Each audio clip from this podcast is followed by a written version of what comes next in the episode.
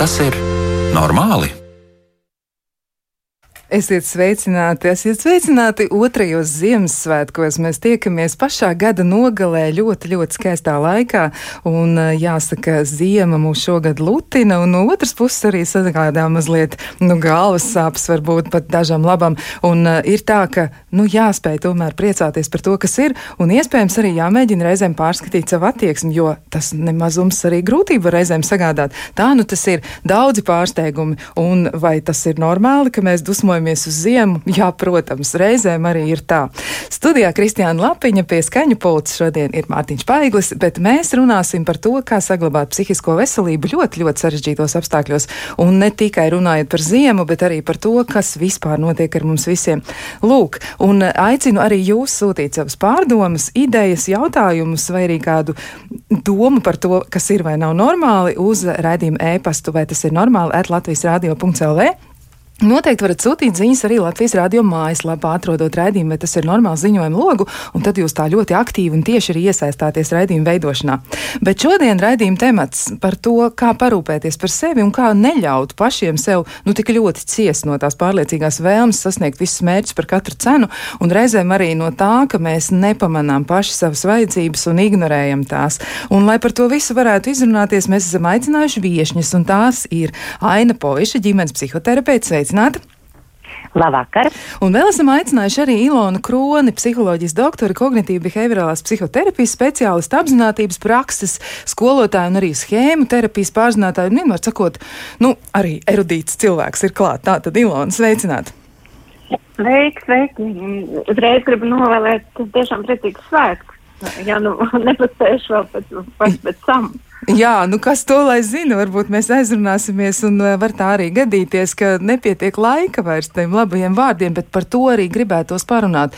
Nu, kādu atrast to laiku eh, tieši tiem labajiem vārdiem, kurus mēs reizēm tik ļoti, ļoti aizmirstam paši sev pateikt. Un mans pirmais jautājums arī būs par to, nu, drīzāk es gribētu varbūt pat to tā noformulēt Kāpēc sabiedrība ir tik ļoti prasīga un nežēlīga pret sevi, un kāpēc tik ļoti reti saka labos vārdus? Un, varbūt Ilona, nu, tu varētu teikt kādu vārdu par šo te.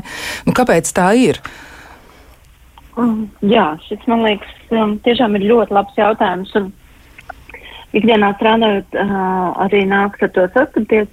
Man liekas, man kaut kādā mērā tas ir tāds paudžu stāsts, uh, par to droši vien aina Uh, kolēģi Aina varēs labāk pateikt, kā, kā tādā stādies, bet uh, nu, mēs gan iemācāmies tādā bērnībā, uh, kā ļoti daudz prasības, un uh, tas tāds savu veidu ieradums, kā, kā būt tādā nu, steigā, spriedzē, izpildīgumā, un tad, kad varētu atpūsties, vai kad varētu nu, vairāk pabaudīt to laiku, tad nu, kaut kā reizēm tiešām liekas, ka nav nemaz tādu iemaņu. Nu, tas ir jāsāk no jauna, jāsāk mācīties, kā apstāties, kā pabaudīt to laiku. Un, nu, tā īsā atbild būtu, jā, kad mēs to iemācāmies gadiem. Iemācāmies gadiem. Jā, nu, bet par, Jā. par paudžu stāstu tad, nu, Aina, kā, kā tad tas izskatās Jā. par paudzēm runājot? Jā, nu, ir jau tā, ka cilvēki arī pamostās no rīta, paskatās ārā, un viņiem droši vien taču ir izvēle, nu, kā reaģēt uz to, ko viņi redz, vai būt tādiem nīgriem un kašķīgiem un teikt, ka šausmas, atkal tas viss ir sasniedzis, vai arī tieši otrādi mēģināt uz to raudzīties citādi. Nu, kā tad paudzēs tas notiek? Kā? Es mazliet iesmējos, pirmkārt, man ir ļoti liels prieks ar Ilonu būt tandēmā šajā raidījumā. Sveiki, Ilonīt, žēl, ka mēs neredzam vienu bet, bet jūs dzirdat vienu otru. Satikties, jā, ar, ar balsi. Un, uh, man tas absolūti kaut kā arī uzrunāja, ka jā, es esmu jau tā paudze, kas varbūt ir uzaugusi tādās vērtībās, kur vairāk bija uh, pirmajā vietā vajag darīt, nevis vienkārši būt. Es domāju, šī paudze nāk ar kādu jaunu vēju un mācās apzināti pieņemt, ka vienkārši būt arī ļoti svarīga vērtība, un tas nenomazina, nemazina to lomu, ka mums arī ir jādara, bet vienkārši būt tajā mirklī, ja tas ir atvēlēts tādā svētku kontekstā. Nu, atlikt malā visas tās rīcības, darīšanas un vajadzības, kas ir ar kaut kādu pierādīšanu saistīts un tam līdzīgi. Un tiešām es piedzīvoju, ka asinsritē ir tā schēma iekšā tik ļoti. Visu laiku kaut kas ir jādara, es visu laiku esmu nemierīgs, es visu laiku gribu kaut ko apliecināt un nemāk cilvēku apstāties. Ka liekas, tas adrenalīns, kas rodās no kaut kāda konkrētā lineārā mērķa sajūtas, viņš traucē apstāties tādā klusumā, pašam priekš sevis, tā kā novērtē to dzīves mirkli, kas vairs neatkārtosies. Un, nu, jā, sajust sevi tajā mirklī, jo tomēr dzīve ir piedzīvojums nevis tikai caur ārējiem notikumiem, bet dzīve ir piedzīvojums arī caur savām iekšējām izjūtām, kā tu tver pasauli, kā tu tver cilvēku sev apkārt, kā tu tver, piemēram, šo sarunu, ko mēs šobrīd šeit un tagad risināsim, kā nomierināties. Un izrādās, tas reizēm ir ļoti grūts uzdevums, tā nomierināties sākt elpot un mierīgāk paskatīties pa labu un pa kreisi un vienkārši būt šeit, šajā mirklī. Un nejusties vainīgiem, ka šī paudze ir zināmā mērā evolucionējusi un nonākusi pie tā punkta, ka pirmkārt, ja tu stiprini sevi, tad no tevis ir izturo, izturo daudz pozitīvāka enerģija un tavi līdzcilvēki saņem dāvanu no tevis. Ja tu esi trauksmēns kā personība, tad tur vairs nav nekāda dāvana. Tur ir tikai kņada rosīšanās, un tāda ņemšanās bezsakarīgi reizēm. Nu, tā apmēram es izjūtu tās paudžu atšķirības.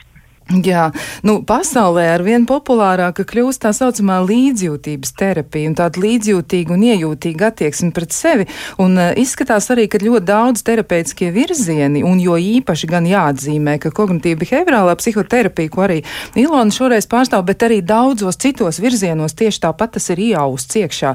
Un uh, strādājot gan ar mm, nu, klientiem, pacientiem, gan arī mēģinot stāstīt cilvēkiem, kā tas būtu darāms, nu, izskatās, ka tur ir ļoti, ļoti daudz daudz dažādu ideju. Kā jums liekas, nu, kāpēc tieši tas ir kļuvis tik ļoti populārs pēdējos gados, un varbūt es Ilona aicināšu izskaidrot drusciņu vairāk arī par šo līdzjūtības, eh, līdzjūtības attīstīšanu. Kāpēc tas tā ir un kāpēc tik ļoti cilvēki ar to ir aizrāvušies? Nu, jā, man atkal, atkal jāatcaucās to, ka tā jau arī Nāina skaidroja, ka jā, nu, daudz kas ir tādā ieraduma līmenī, man liekas, šobrīd tāda sevis kritizēšana, pieprasīšana tiešām ir kļuvusi kā tāda, varbūt mūsu gadsimta arī pandēmija vai, vai sērga. Un, um, ja es domāju no tādas ter terapijas viedokļa, tad par šo prasību un kritisko daļu atbild nu, tāda mm, iekšējā, iekšējais kritiķis, ja tā varētu teikt, iekšējais prasīgais kritiķis. Un tad uh, tā līdz, līdzcietības vai līdzjūtības uh, terapija savā ziņā māca tādu iejūtīgu, draudzīgu attieksmi, ko nereti nu, nav nācies piedzīvot vai nav nācies piedzīvot pietiekamā apmērā. Tas balstās uz um, tādām vajadzīgām, ļoti būtiskām emocionālām pamatvajadzībām, kā pie, pieņemsim pēc drošības, pēc novērtējuma, pēc spontanitātes un spēles. Un ja šīs vajadzības nav pietiekami um, tikušas apmierināts. Nu, kā, kā mēs varam saprast, dzīve ir dzīve. Mēs neviens neesam dzīvojuši tādos ideālos apstākļos, un tos, nu, tādu nav. Ja? Uh, tā, nu, tā dēva, cik katram vajadzība ir uh, bijusi apmierināta, nu, ļoti atšķiras. Un tad tā pieaugušo dzīvē, nu, tāda savu veidu atbildība pret sevi ir pašam mācīties nu, kļūt par tādu labu iekšējo vecāku. Un tad tā mm, terapija, ko tu ļoti labi nu, pieminēji, kā šī līdzcietības terapija, nu, balstās uz šiem pamatprincipiem, ka es sāku atpazīt um, to varbūt prasīgo, reizēm nevērtīgo, kritisko attieksmi un mācot, kā šo pārveidot par tādu nu, atbalstošu, iejūtīgu iekšējā attieksme gan domu līmenī, gan uzvedības tādā praktiskā līmenī. Un tas tiešām nenāk maz tik, tik viegli un, un, un varbūt jā, izklausās vieglāk nekā to uh, patiesībā var izdarīt. Es uzreiz varu pieminēt, ka uh, man liekas, tāda intuitīvi, intuitīvi tā mūsu sabiedrība jau ir uh, to sajūtus, ka šāda prasme ir nepieciešama. Grāmata kas oriģināla valodā tika uh, izra, uh, uzrakstīta 2011. gadā. 2013. gadā jau bija tulkot latviešu valodā, kas saucās Nenosod sevi. Tad varbūt jā, tas arī ir tāds mazs spikerīts, kur var pasmēties idejas, kā tad šo prasmu sākt attīstīt. Bet, nu, tā sevis... Ja, nē, nē, nē, viss ir kārtībā. Tu tieši Jā. stāsti ļoti, ļoti, manuprāt, vērtīgas lietas, jo tā sevis Jā. nosodīšana, manuprāt, ir problemātiska lieta. Un, nu, ja mēs runājam par cilvēkiem, kuri ir tik ļoti pārņemti reizēm ar to pašapliecināšanās vajadzību, tas jau arī noteikti ir saistīts ar to, ka viņi ir ļoti, ļoti kritiski pret sevi, un tas nāk, nu, kā Aina teica, no iepriekšējām paudzēm. Bet, nu, kā tad ar šo sevis nosodīšanu, kā ar to mēģināt tikt galā? Nu, kas varētu būt tāds pirmais solis? Varbūt pārskatīt vērtību sistēmu vai ko mums ar to vajadzētu darīt? Nu, kā tad mazināt to vēlmi pret sevi izturēties kritiski? Uh, Aina, nu, kā, kā tev izskatās? Nu, lūk, mēs kā, kā organiski nonācām pie tādas vērtību revīzijas vajadzības, kas man liekas šim Ziemassvētku laikam ir ļoti tāds uh, garīgs pasākums. Piemēram, ja es uh, varu iedomāties, ka manā iemācītajā daļā dzīvo pieaugušie, kas ir stādījuši man prasības, lai es attīstītos. Tie pieaugušie ir gana mīļi, bet reizēm arī caur to mīļumu tas viņu izpausmes veids ir bijis pārāk kritisks, pārāk prasīgs, neņemot vērā manas spējas.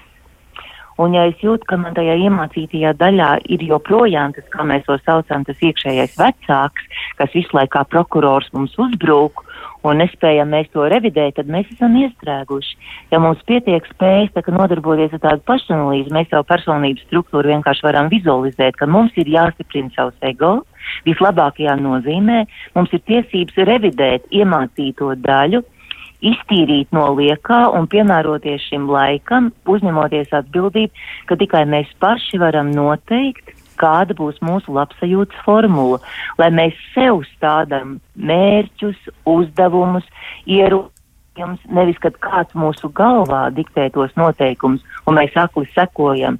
Bet tā, man liekas, ir tāda adekvāta personības nobriešana, ka bieži vien strādājot ar cilvēkiem, šī vērtību spēle ka, piemēram, paņem baltu lapu un uzrakst, ko tu esi dzirdējis no savas mammas, no tēta, no vecmāmiņas, kas mēdz būt tādā, nu, pilnīgi tādā sadzīviskā formā.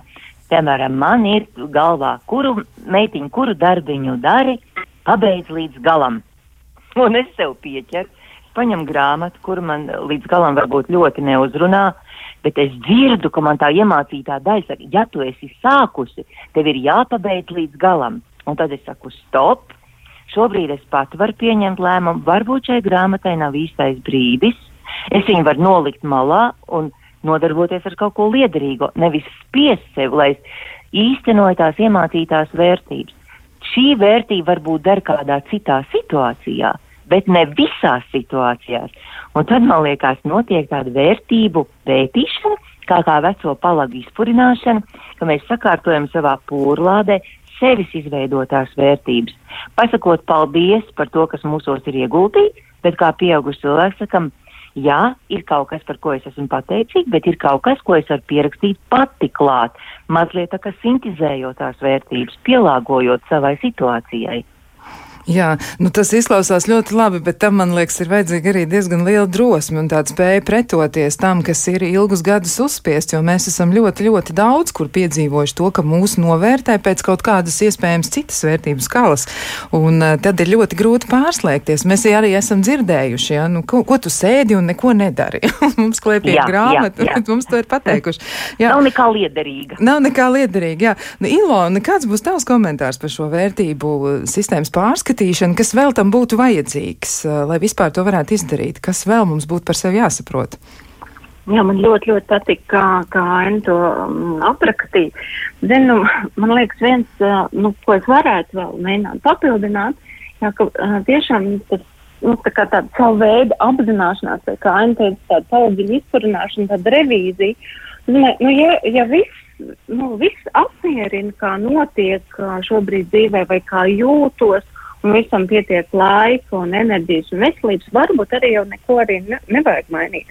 Bet nu, ļoti bieži, ja šie nu, senāk iegūtie uh, likumi, ja tie vēstījumi, kā, kā Raina deva jauku piemēru, viņi, uh, viņi sāk parādīties un kontrolēt uh, savā ziņā visu mūsu ikdienu ir kļuvusi neelastīga. Nu, piemēram, ja es, ja es to grāmatu esmu iesācis, tad man jālasa, tas nekas, ja man varbūt tur ir nu, bērni, ar bērnu grib aiziet sniega vīru uzcelt, ja sen neesmu bijis tur vēl kaut kas, vēl kaut kas, bet ja tas ir palicis tik tāds rigīts un neelastīgs, nu, tad, jā, nu, varbūt nākas, uh, nu, sākt to atzīt, ka vecie likumi vairs tik ļoti nedarbojas. Nu, man liekas, ka tas būtu pirmais.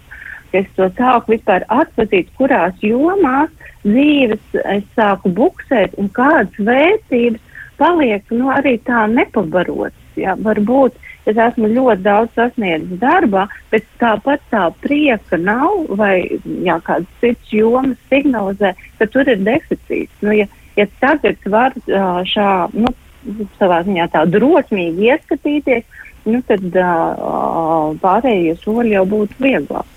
Jā, bet cik tālajoši tad ir šīs sekas, ja cilvēks nepārskata vērtības arī tik ļoti pieķers tam, kas viņam kādreiz ir pateikts, vai tas varētu arī iespaidot nu, vēl lielākā mērogā arī dzīvi, jo sniega vīri celšana kopā ar bērnu tas ir kas viens, bet varbūt tas ir arī par attiecībām vai vēl kaut ko vairāk. Ilona, kā, kā tas izskatās tev?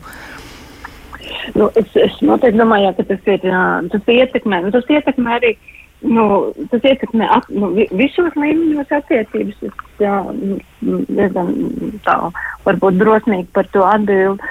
Uh, tā kā tādu atbildi dod, un arī, nu, es tiešām domāju, ka mēs tālāk varam šīs vērtības atkal nodot jaunai paudzei, ja, ka tikai, tikai tā produktivitāte ir uh, nu, tā galvenā vērtība, pārējais varbūt nav tik svarīgs. Man liekas, ka to nu, mēs negribētu nodot tālāk tiešā veidā. Jā, nu vēl arī e, runājot par e, līdzjūtības terapiju, ir arī tāds e, apzīmējums kā sabalansētā perspektīva. Nu, tātad mēģinājums izpētīt, ko tad es vēlos darīt nākotnē un, un kaut kā salikt kopā šīs lietas, ko es tad vēlos darīt pats un kas ir tas, ko no manis pieprasa. Kā varētu veikties mums visiem ar to, jo izskatās, ka cilvēki ļoti paļaujas tomēr tam, ko viņiem pieprasa citi, un viņiem ir ļoti grūti uzstāt uz to, ko viņi gribētu darīt paši. Aina, nu kā mēs ar to varētu tikt galā? Nu, pirmkārt, ja mēs uh, tajā atskaites sistēmā noliekam, ka uh, tā ir pašatbildība par savu dzīvi un vienā brīdī ir jāatsakās no citu vadības, ir jāsāk pašam ņemt to stūri savās rokās. Un ja tas atskaites punkts uh, sāk strādāt, tad man liekas arī tā perspektīva rodās izmantojot konkrētos situācijas, tāpēc mēs nekad nevaram iedot vispārīgu padomu, kas der visiem cilvēkiem, jo mums ir jāsaprot, ka katram ir jāpieņem sava personiskā situācija, jāizpēt visi apstākļi, resursi, grūtības, un tikai no konkrētiem apstākļiem arī var producēties kādi konkrēti mērķi, kas ir sasniedzami, nevis utopiski. Jo es atceros vienu sarunu ar, ar pusaudzi pirms daudziem gadiem, Vecāks sūdzējās, ka viņam ir pazudusi motivācija, un tad mēs ar viņu sākām runāt, nu, kas tad ir tas eh, viņa sapnis. Nu, viņš gribēja kļūt par ļoti slavenu pasaules autobraucēju, piedalīties starptautiskās sacensībās un bla bla bla. Un, protams, ka tie vecāki dzīvoja kaut kur laukos, viņiem likās, tas ir pilnīgi utopija, par ko tas pusaudzis tur domā. Bet tā kā mēs ar viņu runājām, nenogriežot spārnus tam sapnim, kas būtu pirmais solis tavā situācijā, ko tu konkrēti vari darīt, lai tu tuvojies tam mērķim, ka tu gribi kaut ko sasniegt. Un tad bija ļoti labas idejas, kas radās. Ok, viņš saka, man tad būtu laikam jāzina angļu valoda, ja es gribētu startēt starptautiskā līmenī. Tad, nu, kā tev iet ar angļu valodu? Nu, nav pārāk labi. Vai mēs varam kaut ko izdomāt, kā to angļu valodu uzlabot? Nu, kad viņš pakas ar labo roku kreiso ausu, protams, ka viņš izdomā. Viņš var aiziet pie skolotājas un sarunāt papildus stundas, jo viņam ir motivācija. Vai tev ir kāds pazīstams onkulis vai krustēvs, kurš nodarbojas ar mašīnām? Jā, viņš saka, man kaimiņos ir viens, kas nodarbojas, kuram ir servis. Saka, nu, varbūt tu vari sarunāt pie viņa, iet meistarklasē un sākt tur krāmēties ar tiem delžiem, sajust eļļas smaržu, ņemt tās krūs un izpētīt, kā tā mašīna darbojās. Un tad man liekas, tas ir piemērs man diezgan vecs ar bērnu, bet es viņu ļoti spilgti atceros, kad tu palīdz vienam cilvēkam ieraudzīt mazos soļus, kā viņš savā situācijā saredz perspektīvu, un tas uzreiz ir ticamības moments. Tev tikai vajag kustību, satikties ar īsto cilvēku īstajā vietā, pieņemt to realitāti, bet ir jādarbojās. Un tad tie mazie solīši tev iedod arī to jēgpilno sajūtu, ka tu nevis tikai fantazē, bet tu caur pašvērtējumu cel caur konkrētu darbību. Es daru to, lai virzītos lēnām uz kaut ko lielāku, jo viss jau sākās ar mazumiņu. Nu, kā Ziedonis saka, nu, izšķūrē vispirms savu pagalmu, ja? Jā. Pirms tu sāc lamāt uh, to, ka netiek liel, visas ielas līgā notīrītas tā, kā mēs gribētu. Jā, nu tad ar sevi, protams, ir jāsāk. Bet uh, man liekas, ka te darētu vēl izvērstāks komentārs arī par pašvērtējumu. Varbūt Ilona varētu to komentēt, jo pašvērtējums arī varētu būt nu, tas aspekts, kā varētu uzlūkot savas vajadzības vai nespēt uzlūkot uh, tās nu, tā adekvāti un nespēt arī uz tām atbildēt. Vai tur ir saikne un kā mēs varētu par to nu, kaut ko vairāk saprast? Es domāju, ja mēs domājam to prasību un tāds jā, sevis kritizēšanas kontekstā, tad uh, nu, varam arī iztēloties, ka, protams, tas, kā es sevi uztveru vai kā es ticu sev, uh, arī tiek ietekmēts. Jo vairāk es kritizēju un pieprasu varbūt neatbilstoši uh, spējām, situācijām un, un saviem uh, nezinu, resursiem, jo, jo vairāk tas ietekmē pašvērtējumu, mazāk es, es varu izdarīt, mazāk tic, ka man sanāk, un mazāk tic, ka es varu paļauties vai varu mēģināt. Un tad, jā, rodas, nu, neredz tādi, nu, uh, tā sajūta nav laba par, nu, dzīvot ar tādu, nu, ne, nevisai lielu mīlestību pret sevi, tādu nevērtības sajūtu. Un tad neredz rodas tāda manbalti mērķi, nu, tāds visu vai neko. Uh, Uh, un iztrūkst šie mazie solīši, ko, ko tikko deva uh, no Aina kā piemēru. Un, tad, ja es mēģinu šo visu apkopot, tad ja tā labā doma būtu varbūt no ar sliktu vērtības, pašvērtības sajūtu vai mēs, bet kas ir nu, mazākais solis, ko es varu šodien izdarīt, uh, nu, varbūt uh, balstoties uz savām vērtībām, balstoties uz savām vajadzībām pat tad, ja es esmu varbūt viss, viss uh, sliktākais savā sajūtās, bet arī man ir nu, vieta uz, uz, uz zemes, arī man pienāks šī daļiņa mīlestības uh, kaut vai pašam no sevis. Nu, tā tāda, Jā, vai tā ir deva? Jā, mīļuma deva. Mīļuma deva, jā, bet nu, kā tad attīstīt? Nu, jā, un tad es Piedod, Kristā, saki, saki, saki. Kā, jā. jā, nevaru nociesties, jo man liekas, tas arī sakrīt ar to tēmu, ko mēs izvirzījām līdzcietību ne tikai pret citiem cilvēkiem, līdzcietību vai empātiju, bet arī pret sevi, ko ir viegli pateikt, bet ka cilvēkiem kaut kā jānoķer tas slēdzīts, kā viņi var izgaismot paši sevi pasaulē, ka viņi ir atnākuši ar kaut kādu konkrētu uzdevumu.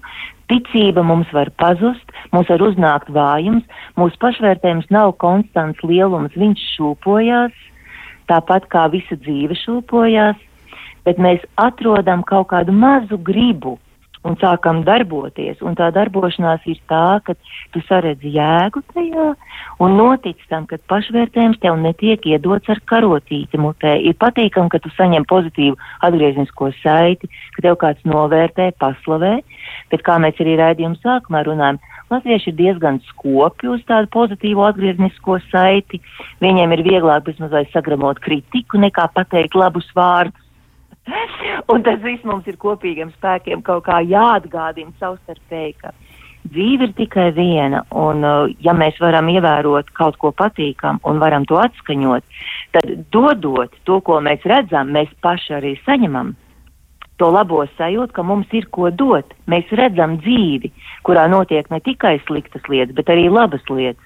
Un tas, ka mums ir acis un ausis, un tauste un oža, visas mūsu maņas strādā, mēs vienkārši esam dzīvē iekšā un līdz ar to līdzdarbojamies un esam iesaistīti.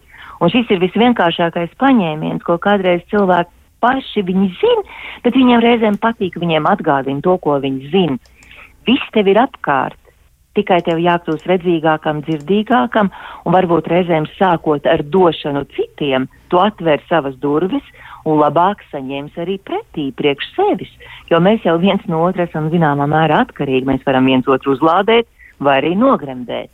Tā kā šis ir tāds laiks, ka mēs gribam būt labāki cilvēki, gaišāki un ejam uz pavasaru ar tādām domām par, par sirdsmieru, par līdzcietību, par empātiju, par to, ka dzīve ir dzīvojama neatkarīgi ne no kā, tad varbūt tieši tas došanas prieks nav akciju veida pasākums, bet tas varētu būt mūsu iekšējais spēks, ja mēs to līdz mielēm izprotam. Jā, bet eh, vai te varētu būt arī atrodams skaidrojums, kāpēc ir tik ļoti grūti pieņemt komplimentus cilvēkiem? Viņiem tiešām Jā. ir tā, ka viņiem ļoti grūti to izdarīt. Kāds pasaka labus vārdus? Tas ir stress, laikam. Jā. Es, ja es varu, man liekas, pakomentēt, tā, uh, nu, man liekas, to var ļoti labi vizualizēt caur ideju. Bērniem ir tāda rotaļlieta, ko sauc par formu kastīti aplīšai ieliek pie aplīšu tajā formiņā un trīsstūrīši trīsstūrītī un, un otrādi nekad nevar ielikt. Nevar trīsstūrīti aplīti ielikt. Ja mēs iedomājam, nu, iedomājamies, ka iekšē arī mūsu psihē tāda, nu, tā režģis vai struktūra, un ja ir aktivēta tā nevērtības vai, nu, varbūt vienkāršā valodā, tā zemā pašvērtējuma vai sliktā pašvērtējuma schēma, tad nu, ir ļoti grūti pieņemt to informāciju, kas neatbilst manai iekšējai pārliecībai. Tad, ja es neesmu visai labās domās par sevi, bet kāds mm, pasaka, ka tev labi sanāca, vai tu izdarīji to un to jauku, tad ļoti ātri mēs kā tādu karstu kartupeli to metam atpakaļ vai nu ar tādu, oi, nē, nē, man tas jau nejauši, vai tas jau vecs, vai, vai, vai, vai vispār piedēvējumi, ka cilvēki runā nepatiesību. Jo ir ļoti grūti pieņemt jā, to, kas nesaskan ar iekšējo nu, pārliecību un iekšējo informāciju. Un tas sāks tāds aburtais lokus. Ja pats netic un arī neuzņēma no, no šī ārējā, ārējās vidas. Tad jā, jāmēģina gan no iekšpuses, gan no ārpuses mainīt šo, jā, šis durvis pavērt lai nāk arī labā informācija. Jā, tā tad tas tomēr ir jāmācās darīt. Nu, izskatās, mums vēl ir daudz dažādi jautājumi apspriežami, kā tad tomēr izturēties līdzjūtīgi un laipni pret sevi, bet tos mēs atstāsim mūsu sarunai um, otrajā pusē, un to mēs arī tūliņ apspriedīsim, bet to mēs darīsim pēc ļoti, ļoti īsa brīža.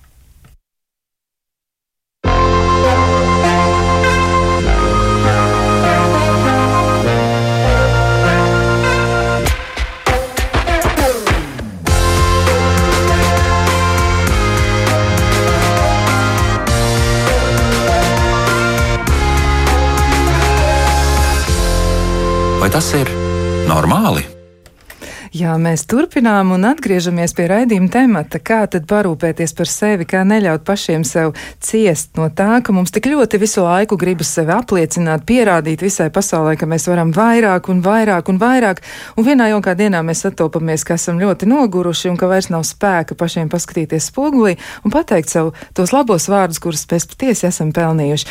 Un atgādināšu arī, nu, kas tad šeit notiek. Mēs esam aicinājuši sarunā piedalīties Ainu Poišu, ģimenes psihoterapeita psihoterapeiti un arī Ilona Kroni, psiholoģijas doktori, kognitīvi behaviorālās psihoterapijas speciālisti un apzinātības prakses skolotāji. Un eh, klausītājiem arī gribu atgādināt, ka eh, jūs varat arī ar šādu pašu nosaukumu kā raidījums, vai tas ir normāli, jūs varat atrast arī podkāstus. Es eh, silti iesaku jums tos sameklēt Latvijas sabiedrisko mēdīju mājaslapā vai arī Latvijas radio viens. Arī tur jūs varat atrast podkāstus, un tur ļoti, ļoti, es teiktu, drosmīgi cilvēki ir ļāvuši ieskatīties mazliet savās dzīves norisēs un arī savās problēmās. Un, um, Ir interesanti izsakot, kā tas ir noticis, jo tā ir tāda kā improvizēta psihoterapijas sesija, nu, kas uh, mazliet līdzinās realitātei, bet nu, tikai nosacīta. Bet tajā pašā laikā ir ļoti, ļoti vērtīgi klausīties, kā cilvēkiem ir gājis, kā viņiem iet arī šobrīd, un kas ir tā viņu nākotnes perspektīva. Un arī tur dažā labā sarunā ieskanas līdzjūtība pret sevi, vai arī tas, ka vajadzētu būt līdzjūtīgākiem pret sevi. Un te man gribas jautāt vēl vienu lietu. Nu, kā ir tā, ka cilvēkiem ir tik ļoti grūti atzīt savas veiksmes. Varbūt ir kāds vingrinājums vai kāds, kāds treniņš, ko mēs varētu izmantot, lai tomēr palepotos ar sevi, bet tādā labā nozīmē. Nu, Ilona, varbūt ir kas krājumā, ko varētu piedāvāt klausītājiem, lai viņi arī var sākt veidot to gada bilanci pamazām. Es smaidu. es sēžu un smaidu. Nu, es labprāt, man tā gribētos, ka ir kāds tāds tiešām vislabākais veids, kā šo ātri varbūt iedarbināt. Nu, nu, pirmais, man liekas, uh, kaut kādā mērā mums jāradina arī mūsu uzmanības uh, sistēma vispār pamanīt labās lietas. Un tad jau tik, man liekas, ļoti zināmais uzdevums, kur mēs katru dienu mācāmies ieraudzīt dienas kontekstā un pateikt uh, par kaut ko paldies sev, uh, nezinu, vienu līdz trim. Uh, ma tādiem mazām, mazām aktivitātēm, par to, ka ne, mm, kā, nenokavēja, par to, ka paspēja. Jā, tas būtu tāds pirmais solis, un, un tik ātri var redzēt, cik, uh, nu, cik tas nemaz nav viegli, jo uh, ļoti ātri devalvējas mazās lietas. Jā, nu, saka, nu, tas ir normāli, ka es tā izdarīju. Un, nu, atļaujot sev šādā veidā radināt mūsu uzmanības sistēmu, ieraudzīt resursus, ieraudzīt ne tikai kļūdas, neveiksmes un neizdošanās, kas varbūt ir evolucionāri vairāk noteikti. Tad jā, šis būtu mazais, mazais uzdevums, ko es varētu rekomendēt, un kas jau, man liekas, ir gadiem um, arī sabiedrībā pazīstams, bet kādreiz viņi uzskata par pārāk vienkāršu vai, vai varbūt muļķīgu patiesībā, ja jūs to mēģināt darīt, tas nemaz tik vienkārši arī nenāk. Nu, un tad nākamais solis arī varētu tā ļoti apzināti ņemt un kādreiz arī pajautāt kādiem sev tuviem cilvēkiem, jā, ko viņš nebūtu ieguvis dzīvē, ja nebūtu manas sastāvs vai kas, kas man labāk padod, vai kur es esmu piemērs. Jo, kā jau arī Aina teica, un arī tu pieminēji, nu, mūsu sabiedrībā nav tik ļoti izplatīta šī nu, pozitīvās atgriezniskās saites uh, došana. Nu, kā mēs varētu labu darbu darīt, ieviest jaunas tradīcijas. Jā, jā, mums tas noderētu ļoti sabiedrībai kopumā, jo īpaši, nu, kad ir tādi grūti laiki pienākuši un cilvēkiem nav viegli saglabāt optimistisku skatījumu uz dzīvi, jo ikdienas nāks saskarties ar dažādām negācijām un grūtībām, bet tomēr, nu, cilvēki atšķirīgi uz to tomēr spēj raudzīties un ir arī tā, ka, nu, apstākļi dažbrīd ir līdzīgi, bet tā tieksme ir absolūti atšķirīga. Nu, Aina, varbūt arī tev ir kāda ideja par to, kā varētu paslavēt sevi un uh, ir kas padomā, nu, ko klausītāji varētu praktiski izmantot, lai sajustos labāk, jo gads tiešām tuvojas noslēgumam un gribas arī nu, tādas labas domas savā prātā ieviest. Nu, tas ir ļoti līdzīgi. Es pati to lietoju pirms kaut kādiem atbildīgiem notikumiem, kad varbūt šaubas pārņem, vai es to varēšu, vai man sanāks. Tad eh, veiksmes epizožu sakrāšana tādā bilancē, vai arī, teiksim, par šo gadu, ja mēs runājam, ka ir vērtīgi ar grāmatvedību nodarboties ne tikai tādā naudas izteiksmē, bet arī notikumu sakarā. Vai man dzīvē ir skaidrs, kā šajā, šī gadā es varu pilnīgi atdzīvināt veiksmas epizodus, kas ir apstiprinājuši to, ka es varu, ja es daru. Man nav tik augsts prasības, lai man sanāktu ideāli, bet es priecājos par to procesu, ka es varu un daru, un beigās ir gandarījums sajūta. Es domāju, tās dzīves ir atšķirīgas, bet tas, ka mums ir veiksmes epizodes, kas stiprina mūsu iekšējo garu, tas ir viennozīmīgi. Un tad ir tā uzvaras sajūta, kas arī uzvar tajā brīdī to mazvērtības sajūtu, jo viņas, man liekas, labi draudzējās. Mazvērtības sajūta, kur ir šaubas, neticība, ko no es, tiem citiem jau labāk sanāks, bet kur arī tāds dzinuls, ambīcijas vai godkāra vai arī tāda reālā kompetences sajūta iet roku rokā. Un tādos brīžos, man liekas, ir ļoti svarīgi mums skatīties apzināti uz tām veiksmes situācijām, nevis uz neveiksmes situācijām.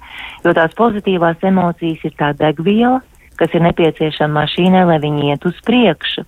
Un ja mēs bilants varam noslēgt, ka nav viss normāli, kas neizsaka neko, bet es iezīmēju konkrēts veiksmes epizodus, tad man liekas, ir uzreiz gaišāks skats rītdienā Jā. Neatkarīgi no apstākļiem, bet tava personiskā bilants vienmēr var atrast izņēmumus. Kaut gan pa lielu varētu teikt, nu šis gads bija drausmīgs. Ja mēs esam tajā vispārīgajā kontekstā, viņš bija drausmīgs, mums nebija tas, tas un tas. Bet, ja tu skaties uz savu dzīvi par spīti tam, tev bija tas, tas, tas un tas, kas tev atnesa prieku, gandrījumu, pārsteigumu, pateicības sajūtas. Un tur, man liekas, ir tas iekšējais darbs ar sevi ieraudzīt, sevi savā dzīvē.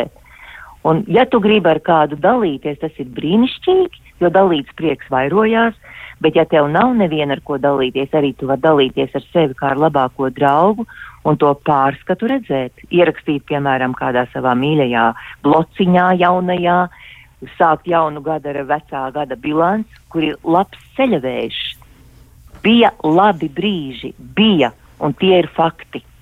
Jā, tie ir fakti, bet tu teici, apzināti skatīties, jau apzināti piefiksēt lietas. Kā vispār ir ar apziņotības trenēšanu? Kas ir tas, kas eh, varētu vēl nākt par labu mums visiem? Jo patiesi, nu, tur konkurēt, tā, iekšēji tās vēlmes um, uzslavēt sevi, varbūt vai atbalstīt, un tajā pašā laikā ir arī tāda vainas izjūta reizēm, vai ir kauns mazliet runāt par saviem sasniegumiem, un tā mēs tur nevaram īsti saprast, eh, ko un kā. Nu, kā tad izmantot apzinātību tam, lai tiešām būtu tāda skaidrāka bilde, varbūt aina vispirms, un tad noteikti Ilonai arī būs kas sakāms par šo. Nu, jā, Ilona jau tur bija tituls apzinātības. Gan jau viņu, viņu attaisnos to viņu. jā, viņa varēs attaisnot. Es vienkārši varu nu, no dzīves pieredzes teikt, tad, kad es esmu kopā ar kādu cilvēku, ar savu klientu, un mēs esam tajā telpā, tajā brīdī, kas ir tas rāmis, kur mēs mākam vai mācamies izmantot laiku kvalitatīvi. Un tā, man liekas, ir pirmā apzināšanās, ka šeit un tagad ir cilvēks, ir otrs cilvēks un ir konteksts, kur mēs mācāmies uzticēties, ja būt godīgi, kur mēs jūtam savas emocionālās vajadzības, vienkārši būt. Un tad, man liekas, tajā sarunā arī, ja otrs ir atbalstošs ar acīm vai ar savu klātbūtni, ar to ķermeņa siltumu, var veicināt tās slēptās ilgas, parādīt sevi, runāt par to, ko es pats par sevi domāju, ko es sevī saskatu. Gan kā vājās vietas, gan kā stiprās vietas. Un tad tas process, man liekas, tā lēnām iet, ka mēs piepildam to savu iekšējo saturu ar tādu adekvātu pašvērtējumu. Ka mēs varam drosmīgi redzēt gan to, kas ir tā saulainā puse, kas mums patīk. Mums ir jātrenējas vienkārši skaļi reflektēt par to, Un, jo mēs vairāk reflektējam, jo mēs paliekam drosmīgāki un sajūtam, ej, tas ir patīkami, ka tas pirmais stress pāriet. Un līdz ar to, kad mēs to resursu atdzīvinām, mums ir arī vieglāk pateikt, to, jā, bet es gribētu vēl piestrādāt pie tā, tā un tā, jo mēs jau neesam uzbūvēta mašīna kā tāds konkrēts modelis, ko var uzvilkt kā tādu robotiņu, kurš dzīvot mēs esam tomēr dzīvi cilvēku, vai ne? Mums ir jāaug un jāattīstās nu, nemitīgi. Un tā attīstība, man liekas, ir atkarīga no tā, ka mēs saskatām sevī to labo, kas mums dod ticību. Jo tas atslēgas vārds ir ticība, ja tu esi piedzimis, tad tu esi.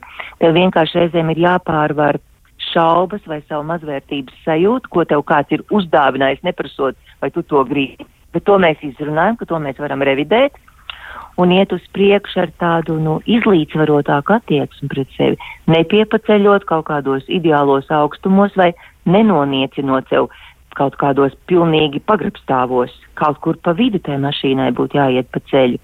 Jā. Man liekas, tās ir tādas vienkārši praktizējamas lietas, adekvātums pret sevi, kas arī ir tāda līdzcietība, ka tu neuzskati sev par pārcilvēku, bet tu neuzskati arī sev par puscilvēku. Jā, nu tur kaut kur ir jābūt eh, tajā sabalansētības stāvoklī. Bet, Ilona, nu tev tagad jātaisno apzinātības treneru nosaukums. Es jau samulsu pie, pie jūsu vārdiem pirms tam. Nu, tad es mēģināšu attaisnot tā vārdu. Es tikai piemirstu, nu, kas īsti bija. Jā, par apzinātību, par apzinātības jā. Eh, spējas attīstīšanu, jā, jo, jā. nu, mēs tiešām. Labi, labi, es nu, atceros, jā. Uh, nu, es ar savu titulu tad uh, uh, nolikšu malā, bet uh, ņemšu tālāk kā pieredzi.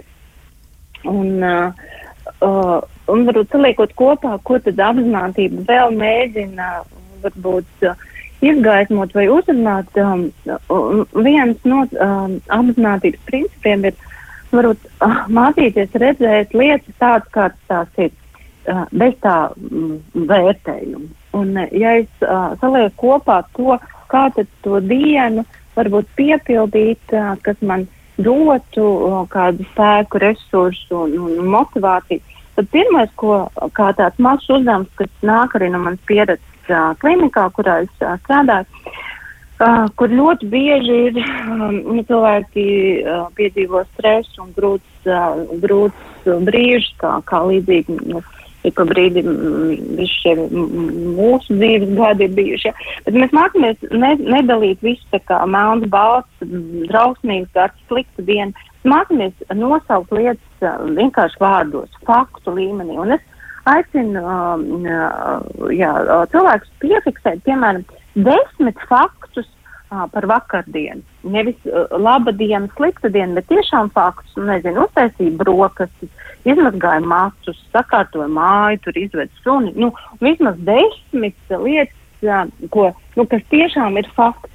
Un nākamais solis, kas uh, nu, arī ved uh, uz nākamo soli apzinātībā, es mēģinu priekš sevis izvērtēt, vai man šis vairāk dod enerģiju, vai atņem enerģiju, dod kādu gandarījumu sajūtu, vai, vai, vai, vai taisnu otrādi, kā, kā, kā nu, varbūt ierobežo. Un tad es varu salikt plusiņus pie tām aktivitātēm, kas man kaut ko dod, un mīnusiņus, uh, nu, kas kaut ko noņem. Un tad uh, mūsu labais sakām vārds, ko sēst to pļausi, ir apgriežams varbūt otrādi, un mēs varam paskatīties, ja īsti nepatīk, ko es pļauju, nu jāpaskatās, ko es sēju. Nu, tad, respektīvi, ja es sāku just, ka man diena nu, varbūt jā, ir vairāk ved uz tādu nomāktību un, un, un nekas, nekas nav interesants. Nu, jāpaskatās, ko tad es pats esmu izvēlējies viņā ja, nu, realizēt. Ja? Nu, tādu, tādu veidu maza apzinātības, kas patiesībā arī nāk šis uzdevums no apzinātības programmas, kur mēs sākam apzināties, ka es esmu tas, ko es sev ielieku, jā, gan informācijas, gan tādu uh, ēdienu, dzērienu, aktivitāšu pieredžu ziņā. Nu, varbūt jā, šis arī mazai tādai revīzijai pirms jaunā gada var noderēt. Jā, tas varētu ļoti noderēt. Un eh, kā tu komentētu arī to, ka ir diezgan daudziem speciālistiem arī nu, tāda doma par to, ka tas iekšējais runas veids, kāds mums ir, un reizēm tas ir ļoti, ļoti tāds nu, negatīviem vārdiem piesātināts un varbūt tādiem smagiem vārdiem jā, piepildīts, nu, ka to arī varbūt apzinātā veidā var mēģināt mainīt, jo tā sevis šaustīšana jau tomēr neko labu mums nedod. Taisnība. Tie, es nezinu, vai, vai jautājums ir man, bet. Tev, nu, tev. Tas, jā, jā. Nu, es, es vienkārši aicinu iedomāties, nu, ja šos pašus vārdus, pirmkārt, mums teiktu kāds cits, kā mēs justos, jā, kā, kā, kāda būtu reakcija, vai mēs, uh, cik, cik, jā, mierīgi to varētu uzņemt. Un otrs, varētu domāties, vai šos pašus vārdus šaustošos es teiktu kādam citam, kas man ir tūs cilvēks. Jā. Kas man ir dārgs un mīļš. Un, nu, jāpaturprātā, ka nu, smā, mūsu smadzenēs ir uh, centri, kas analizē vārdus. Un, ja es saku, ka es esmu muļķis un, un drausmīgs, un, un tāds, tas ir kā tāds iekšējs uzbrukums. Un tur tā, nu, tā trauksmes un, un tāda uh, baiļu un nedrošības sistēma visu laiku ir aktīva, tāda draudu sistēma. Es, es visu laiku caur šiem vārdiem aktivizējam draudu sistēmu un tādos draudu apstākļos nu, nevar lietas uh, sasniegt, nevar baudīt un realizēt, jāgatavojas iekšējam karam. Un tādēļ, jā, varbūt uh, nu, caur šo atpazīšanu es kaut vai varu sākt domāt, tad ko tad es sev tuvam cilvēkam tā, tādā situācijā teikt, un vai es sev esmu tikpat tūs, vai, vai gribu būt ar sevi jā, tādos pat draugos, jā, un tad šos vārdus pagriezt pret sevi. Nu, tā. Jā, nu tas varētu būt par eh, nu, tādu spējas attīstīšanu, sevi uzrunāt cieņpilnā veidā, un arī viens no tādiem Jā. ļoti, ļoti zināmiem autoriem, noteikti Ilona to atpazīs, Pauls Gilberts, viņš arī ir Jā. izteicies daudz par šo, ja, ka cilvēkiem ir jāmēģina attīstīt sevī spēju izturēties cieņpilni pret sevi. Bet ko tas varētu nozīmēt tādā praktiskā veidā, jo viena lieta ir speciālistu savstarpējās diskusijas, bet otra lieta ir kas tāds, kas ir iedodams cilvēkam, kurš gribētu cieņpilni pret sevi izturēt izturēties. Ko tas varētu nozīmēt? Kā varētu atpazīt to, ka es pret sevi izturos cieņpilni un ar tādu mīlestību? Un varbūt Ilona šoreiz vispirms un Aina pēc tam piebilst kaut ko par šo. Jā, man liekas, es, es jau, es jau aizņemu ēteru, bet, nu, kāpēc tas pats uh, uzdevums, ja mēs sasaistam kopā tās desmit reizes, tās desmit aktivitātes, ko es uh, um, iepriekš stāstīju, ka sarakstu, nu, šī varētu būt viens tāds uh, uh, jautājums, vai tas, kā, ko es daru, vai tas ir cieņpilni, vai es sevi caur šīm aktivitātēm, nezinu, mīlu, cienu, atbalstu. Um, tas viens man nāk prātā, uh, ko varētu darīt uh, cieņpilnā attieksmē. Nu, tāpat vai nu, ziņā, jā, vai manas vajadzības, emocionālās vajadzības es, es varu nodrošināt. Tas ir pēc drošības, vajadzība pēc robežām, vajadzība pēc tādas pašas spontanitātes un spēles. Nu, vēl ir jā, garāks tas saraksts, bet nu, kaut vai, kaut vai tāds, vai, vai, vai es sevi pabaroju, nu, pamatvajadzības, vai man ir nu, tas ēdiens, vai tas tikai aizņemts, bet vai es paņemu pauzīt, vai es uh, jā, uztaisu līdzīgi kā dabā ir aktīvi, aktīvi periodi un miera periodi, vai man ir dienā arī miera, miera periodi. Jā, nu. Jā, vai es, vai es uh mhm. -huh. saņemu visu, ko man vajag, ja? tad vai es, vai es tiešām spēju iegūt no dzīves to, kas man būtu nepieciešams. Aina, kāds būs tavs redzējums par šo? Nu, kā tad konstatēt uh, situāciju, kā analizēt, kā tad ir ar cilvēku, kurš mēģina uzdot šo jautājumu, vai es izturos pietiekami labi pret sevi? Jo var jau būt arī tā, ka viņš ir pārņemts ar domu, nu, ka tā ir jābūt, nu, ir jāstrādā no rīta līdz vakaram un atpūsties nedrīkst, un tas ir slikti, nedrīkst tā darīt. Nu, man uh, viens tāds piemērs ienāca prātā par uh, maziem bērniem, kad viņi ap trīs gadu vecumu vai drusciņā ātrāk vai vēlāk, viņi sāk parādīt savu autonomiju, ka viņi saka, es pats, es esmu es pats.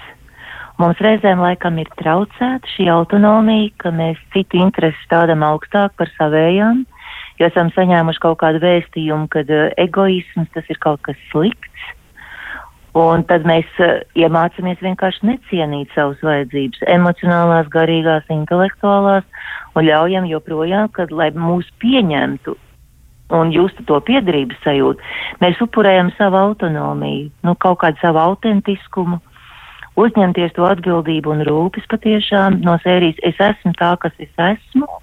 Es esmu atšķirīga, bet tas nenozīmē, ka es neprotu veidot attiecības ar citiem cilvēkiem es uh, mācos komunicēt ar citiem cilvēkiem, ieraugot savus stiprās un vājās vietas, tad es varu ar vienu šāvienu divus zaķus trāpīt, ka es esmu es pati un es māku būt kopā ar citiem cilvēkiem.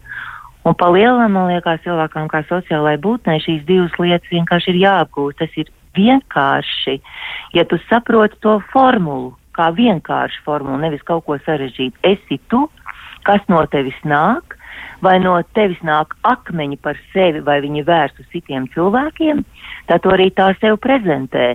Bet, ja tu atceries, ka tavs nodoms bija piedzimt šeit un kļūt par labu cilvēku un piepildīt kaut kādus uh, jēgpilnus savus sapņus un mērķus, tad man liekas tā attieksme pilnīgi savādāk, ka tu visu laiku esi spējīgs uh, būt tādā kustībā, nepazaudējot sevi, esot kopā ar citiem cilvēkiem, cieni sevi un cieni otru. Un atšķirībā no konteksta, kurā tu atrodies, tas arī nosaka to komunikācijas stilu un kādu vietu tajā ēterā ieņem. Vai Ilonai liekas, ka viņa aizņem visu ēteru un es mierīgi pacietīgi klausos, vai vienkārši tas notiek organiski un mēs necīnāmies savā starpā. Mēs tagad rietā diskutējam, jo tāds ir konteksts. Kristiāna vada to raidījumu, mēs visi trīs satiekamies vienā telpā, necīnoties, neveicinot karu, vai ne? Jā, man jau liekas, Katra ka mums ir pati par sevi, bet jā. mēs skatāmies vienā virzienā. Tā gan, tā gan uh, ir arī izteiciens par to. To gan piedēvē laikam Bernardam Šovam. Ja, viņš ir teicis, uh, man liekas, ka to viņš ir attiecinājis uz attiecībām un uz mīlestību, ka tas, uh, nu, tas labākais formulējums varētu būt mīlestībai tāds, ka cilvēks skatās nevis viens uz otru, bet vienā virzienā. Varbūt, ka tā mīlestība pret sevi arī ir kaut kas līdzīgs un ka mēs varam noformulēt to nu, kas, kas tas varētu būt? Tad, kas tad gal galā būtu tā līdzjūtība un mīlestība pret sevi? Nu, ja jums būtu jāmēģina to noformulēt, un arī vienlaikus tādā novēlējuma formā varbūt to pateikt klausītājiem, lai uzmundrinātu viņus, jo gads jau nu pat, nu pat būs beidzies, un uh, nākamās nedēļas nogalē mēs jau dzīvosim 2022. gadā. Nu, kas ir tas, ko jūs teiksiet no savas puses? Kā jūs uzmundrināsiet un kā mudināsiet mīlēt sevi? Nu, varbūt aina vispirms. Un tad Ilona? Nu, man ir pilnīgi tāds poētisks uh, piedāvājums. Ņemsiet pretī. Protams, protams. Tas ir, tas ir tāds dzējolīts, kas man uh, nāk līdz manā piezīme blociņā, un es gribētu viņu nolasīt jums kā novēlējumu. Pretī vētrām, savām un apkārtējām, tām, kas atnāk un tām, kas aiziet. Vētras vienmēr ies un nāks, koki uzīs un koki vietā augs. Tu esi koks ar saknēm dziļi dziļi, ar stumbru tevī, no galvas līdz papēžiem, ar zariem matos un lapām pirkstu galos. Esi koks, kas stāv stalti, kas stāv taisni, koks stāv mierā. Nu, skaisti. Kungs stāv mierā. Paldies, Aina un Ilona. Ļoti īsi novēlējumu arī klausītājiem. Ko tu teiksi no savas puses? Jā, es esmu pateicīga Aina par šo dzīvi. Es varētu apkopot, ka ir saulēns dienas un ir lietains dienas. Un tas ir veids, kā puķis aug. Jā, ņemam pretī, bet uh, turpinam augt. Ņemam, kas labs un kas slikts, bet turpinam augt iekšēji sevi atbalstot uh, katru dienu par maziem, maziem, maziem solīšiem, kaut ar vienu labu vārdu, tas jau varētu būt labs uh, pirmais solis.